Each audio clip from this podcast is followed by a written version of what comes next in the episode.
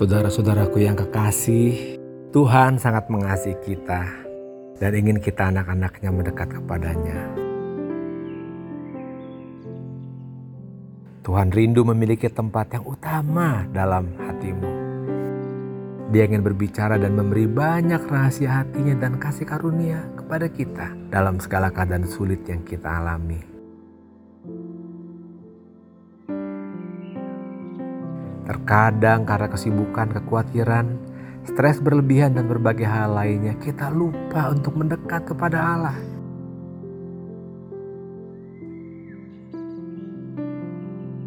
Kita menjadi terlalu fokus pada persoalan kita, kekhawatiran kita dan tanpa kita sadar, kita tidak lagi fokus pada Tuhan.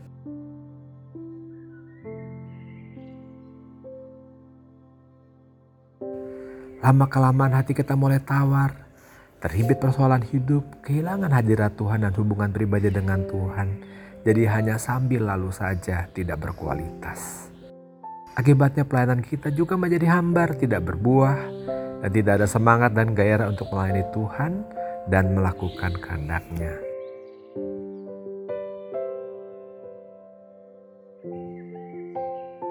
Firman Tuhan berkata, mendekatlah kepada Allah dan ia akan mendekat kepadamu. Tayarkanlah tanganmu hai kamu orang-orang berdosa.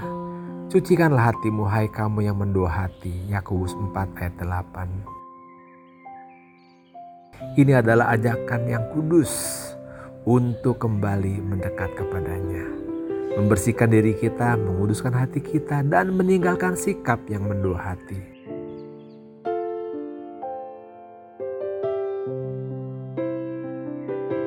Mari kita kembali mendekat pada Tuhan, fokus kepadanya dan mencari Dia dengan segenap hati.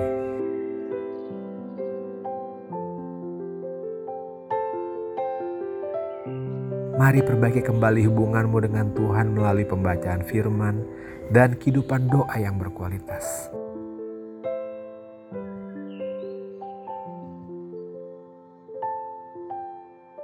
Hubungan yang dekat dengan Tuhan akan membuka pintu-pintu kasih karunia bagimu untuk menerima berbagai anugerah Tuhan yang kita perlukan dalam pelayanan, pekerjaan, kuliah, sekolah, keluarga, dan lain-lain.